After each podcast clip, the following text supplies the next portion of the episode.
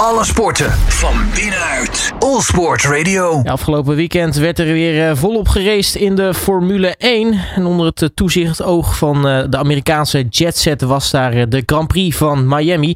Ja, zoals je het mag verwachten was er veel show en over de top actie. Maar hoe zat het eigenlijk met de actie op de baan?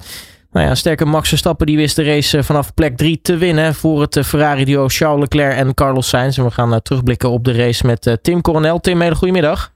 Een hele goede middag. Um, ja, allereerst wil ik toch jouw mening horen over, over uh, nou ja, alle, alle happening rondom die Grand Prix van Miami. Want uh, nou ja, het, het, was wel weer een typische Amerikaanse show, hè?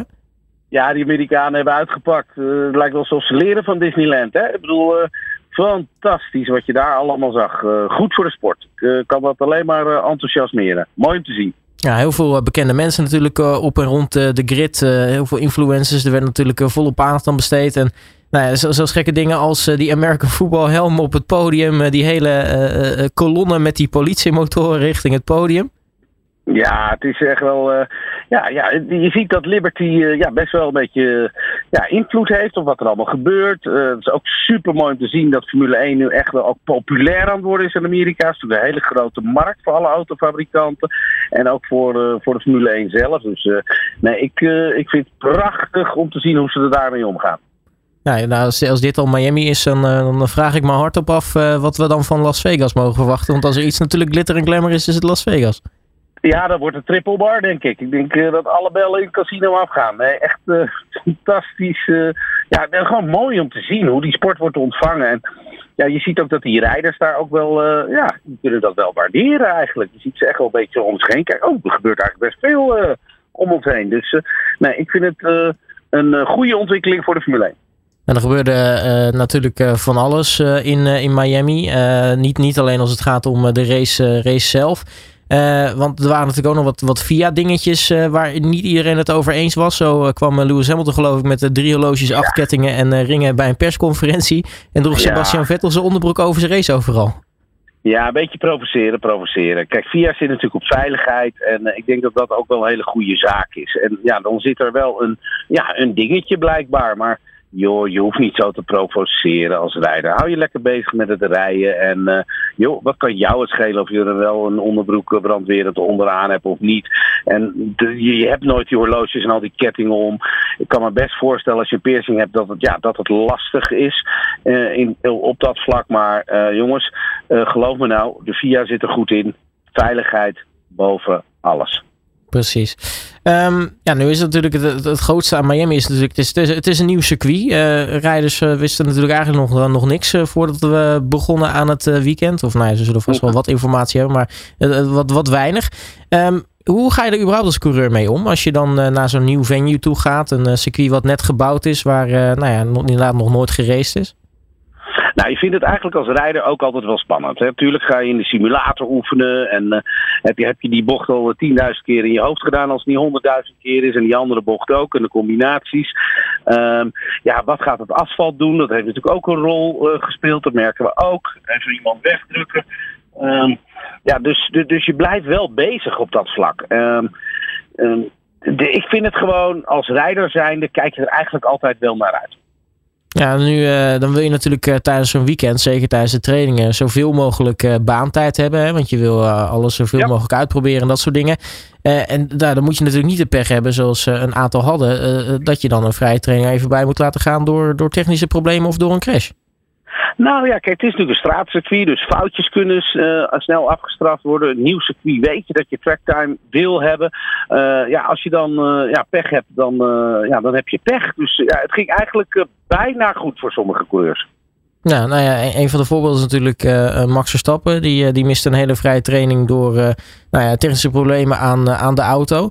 Maar wat hij ja. dan vervolgens eigenlijk laat zien, ook tijdens de kwalificatie, al had hij natuurlijk een foutje in, in de laatste bocht van de laatste ronde. Maar vervolgens ook in de race is eigenlijk best wel knap op een nou ja, circuit wat, wat ja, nog tot nu toe eigenlijk onbekend is ja, de recovery van Max was uh, magistraal, durf ik wel te zeggen, als rijder zijnde. Hè, want uh, tracktime is alles en dan kan je net ook het verschil maken. Uh, het team had het uh, ja, eigenlijk goed geanticipeerd op alle dingen. Dus ja, nee hoor, ik, ik kan niet anders zeggen dan petje af en wereldkampioen waardig, uiteindelijk. want als we naar de race zelf kijken, Max startte natuurlijk vanaf P3, Leclerc had Pol, Sainz daar, daarachter. Um, ja, hoe die eigenlijk ja, vanaf plek 3 in ieder geval gelijk Sainz pakte aan de buitenkant van de eerste bocht. En vervolgens nou ja, toch het Leclerc heel moeilijk maakte. Dat was, was vrij indrukwekkend. Maar de Red Bull had ook echt veel snelheid. Niet alleen indrukwekkend hoor. Ik durf ook wel te zeggen risicovol. Uh, want ja, zo als hij hem ernaast zette en als uh, Sainz natuurlijk wat, wat sterker in de race had gezeten, dat hij zijn lijn verdedigde. Nou, had het voorwieltje het achterwieltje aangetikt, dan was hij er rond gegaan. Aan de andere kant begrijp ik ook vanaf Sainz, die is natuurlijk al een aantal keren niet gefinished en ook al aan het begin telkens uitgevallen, die wilde ook finishen. Ja, en dit was de kans om het te doen, om meteen aansluiting te kunnen pakken met natuurlijk Leclerc. Want ja, het enige wat er nu speelt in Max hoofd is natuurlijk die wereldtitelstrijd tussen hun tweeën. Um, ja, aan de ene kant risicovol, aan de andere kant zeg ik van uh, ja, ook wel petje af en je goed doorgepakt. Ja, want daarna begon natuurlijk een uh, mooi spektakelstuk toch tussen, tussen Leclerc en, en Max. Um, wat wel duidelijk was, was dat nou ja, de, de, Red Bull echt ontzettend snel was. Waar voorgaande seizoen het natuurlijk altijd ging om de bochtige circuits. Red Bull was goed op de downforce, de chassis was goed. Hebben ze nu ook gewoon echt de snelheid te pakken? Ja, uh, ik denk wel dat Red Bull, het hele team en Newey en daar echt wel ja, super goed mee omgegaan zijn met uh, de reglementen die er nu zijn. En ze, ja, ze hebben juist de sweet spot eigenlijk te pakken ten opzichte van de porpoising en de downforce, de rechte stuksnelheid. De, de, vergeet niet de Red Bull drivetrain, hè, de Honda eigenlijk. Ja, het pakket klopt. En uh, ja, ja, ze staan op scherp. Ook al hoor je natuurlijk Binotto, die ook een beetje um, wat vragen stellen. Of in ieder geval met scheve ogen kijken. De, de grote baas van de Formule 1. Jongens, jullie hebben wel een budgetcap. Uh, als je er zo meteen doorheen bent, is het niet meer mogelijk om door te ontwikkelen. Dus, dus er spelen wat dingen. Maar aan de andere kant. Ja, uh, de eerste klap is een daalde waard. En uh, Red Bull is, ja, die staat er ja, goed in, wat mij betreft. Nou, eigenlijk uh, leek uh, tijdens de race uh, nou, weinig, weinig aan, aan de hand eigenlijk. Tot, tot, tot nou, misschien een, rondje of 15 van tevoren. Toen daar ineens een, een safety car situatie kwam. Ja, het was eigenlijk gewoon saai. Dus dankjewel Gasly en Norris dat jullie even die safety car erin zetten. Ehm, ook al vond ik het wel een, een actie. En uh, ik, ik had wel meer problemen verwacht eigenlijk qua safety cars of virtual safety cars. Uh, maar ja, deze werd gecreëerd en daardoor werd het natuurlijk weer even spannend. En ja, de, de, de heat kwam weer even terug in, uh, in de wedstrijd. Ook al over heat gesproken. Die jongens die, uh, ja, die waren geloof ik al na 15, 20 rondjes dachten, dachten nou vlag maar af, want we vinden het heet in die auto. En ja, het was ook wel echt mooi om te zien dat het sportief vlak. Dus echt wel ook uh, energie uit die rijders trok. En ze moesten ja, die laatste tien ronden nog even, even een sprintje trekken. Ja, dat zag je natuurlijk ook na aflopen. Hè? Die, jongens zaten helemaal stuk. Uh, kun, je, kun, je, kun je omschrijven wat het is als coureur? Ja, je hebt natuurlijk één hoge temperaturen. Maar je had natuurlijk nu ook echt een ontzettend hoge luchtvochtigheidsgraad. En vooral dat is volgens mij echt een beetje de, de boosdoener. Hè? Ja, wij krijgen in de woestijn natuurlijk ook met hoge temperaturen altijd te maken. Kijk, je moet je voorstellen, als er hoge temperaturen zijn, zit er minder zuurstof in. Uh, het kost je heel veel energie om, om dingen te doen. Uh, ga maar in een hartje zomer uh, hardlopen of wat dan ook. Ten opzichte van een beetje een, een leuke temperatuur. Ja, dat, dat, kost gewoon energie. En ja, ehm, ja, ik vond het mooi om te zien dat de rijders nu lekker even uitgehoond werden, zoals ik dat altijd stel. Ja, nu was er eh, natuurlijk nog even die, die sprintrace dus nog op het einde. Uh, op verschillende posities werd het toch nog spannend. Uh, niet alleen vooraan natuurlijk, want uh, nou ja, op een gegeven moment ergens in het middenveld was een hele strijd gaande. Eigenlijk vanaf, vanaf Stroll, Ocon, Albon, zeg maar. Toch om de laatste paar punten. Waar, waar er ook toch nog, ja, naast dat er close geraced werd. Wat natuurlijk helemaal de bedoeling is van de nieuwe spec van, van de Formule 1 auto's. Maar ook dat, dat elkaar nog relatief vaak geraakt werd onderling. Ja, je ziet nu uh, gelukkig overigens, mooi dat je het aanstipt, dat uh, het nieuwe reglement ook wel echt die strijd terugbrengt in de Formule 1. En uh, dat ze geen last hebben van die airflow van de voorganger, dus je kan beter aanvallen. Nou, Ocon natuurlijk, of even kijken, nee, Albon die natuurlijk fantastisch ging. Hè, want Williams vanaf de 18e en de 9e plek. Vettel en Alonso die natuurlijk ook vet bezig waren in strijd. Hè. Dus je ziet toch dat die oude garde ook even wakker weer werd van... hé, hey, we moeten toch wel laten zien wie we zijn. Uh, nee, ik vond het echt uh, een race. Ik kwam eigenlijk oog tekort of camera's tekort, televisies tekort. Uh, ik denk dat zowel de mensen in Miami als de kijker ja, toch wel die laatste tien rondes weer op een puntje van de stoel heeft gezeten. Nou, als er nog een paar dingetjes er nog uit, uit mogen lichten. Uh, Ocon, hoe knap was dat? Bedoel, hij komt vanaf de laatste positie en, en hij rijdt toch gewoon naar P8. Ja, fantastisch. Uh, nou ja, kijk, Ocon, Russell, Norris, even kijken hoor. Albon, Norris hebben we al gehad. Leclerc, Max, Russell. Nou, dat, dat is een lichting die, die, die nu echt naar boven komt drijven. En ja, durf ik ook wel te zeggen, als je achterin zit, kan je risico's nemen, kan je gebruik maken van bepaalde pitstops. Met de safety car situatie, waar Russell natuurlijk van heeft geprofiteerd, mm zodat hij uiteindelijk voor Hamilton kwam. Ja, het ging van links naar rechts. Uh, prachtig om te zien, maar ook mooi om te zien dat die jonge garde natuurlijk eh, erbovenop zat en dat die oude garde eigenlijk ageerde. En oude garde bedoel ik dan de Vettel en de Alonso mee.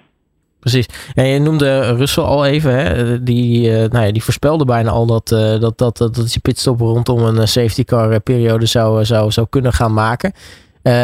Dat, is eigenlijk al ja, perfect verlopen eigenlijk voor hem, die, die, die race wat dat betreft. Want nou ja, precies tijdens een safety car toch, toch je pitstop dus langer doorrijden. En precies tijdens een safety car dan je pitstop kunnen plannen. Dat, is, nou ja, dat heeft hem inderdaad veel gebracht.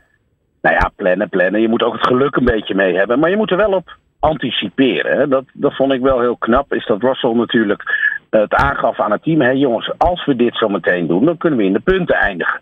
Kijk, waar precies, dat wist hij natuurlijk niet. Want hij weet niet precies hoe ver de jongens voor hem zitten. Maar ja, een, een, een, een goede rijder heeft natuurlijk energie over. En kan op die manier communiceren met, uh, met het team. En ja, dan zie je toch wel dat Russell een beetje van de nieuwe garde is. Die, die meedenken. Schumacher deed dat toen ook altijd. En ja, ik, ik, ik heb een beetje het gevoel. Um, en je ziet ook een beetje aan Hamilton. Die gaf daarna de schuld een beetje aan Binotto.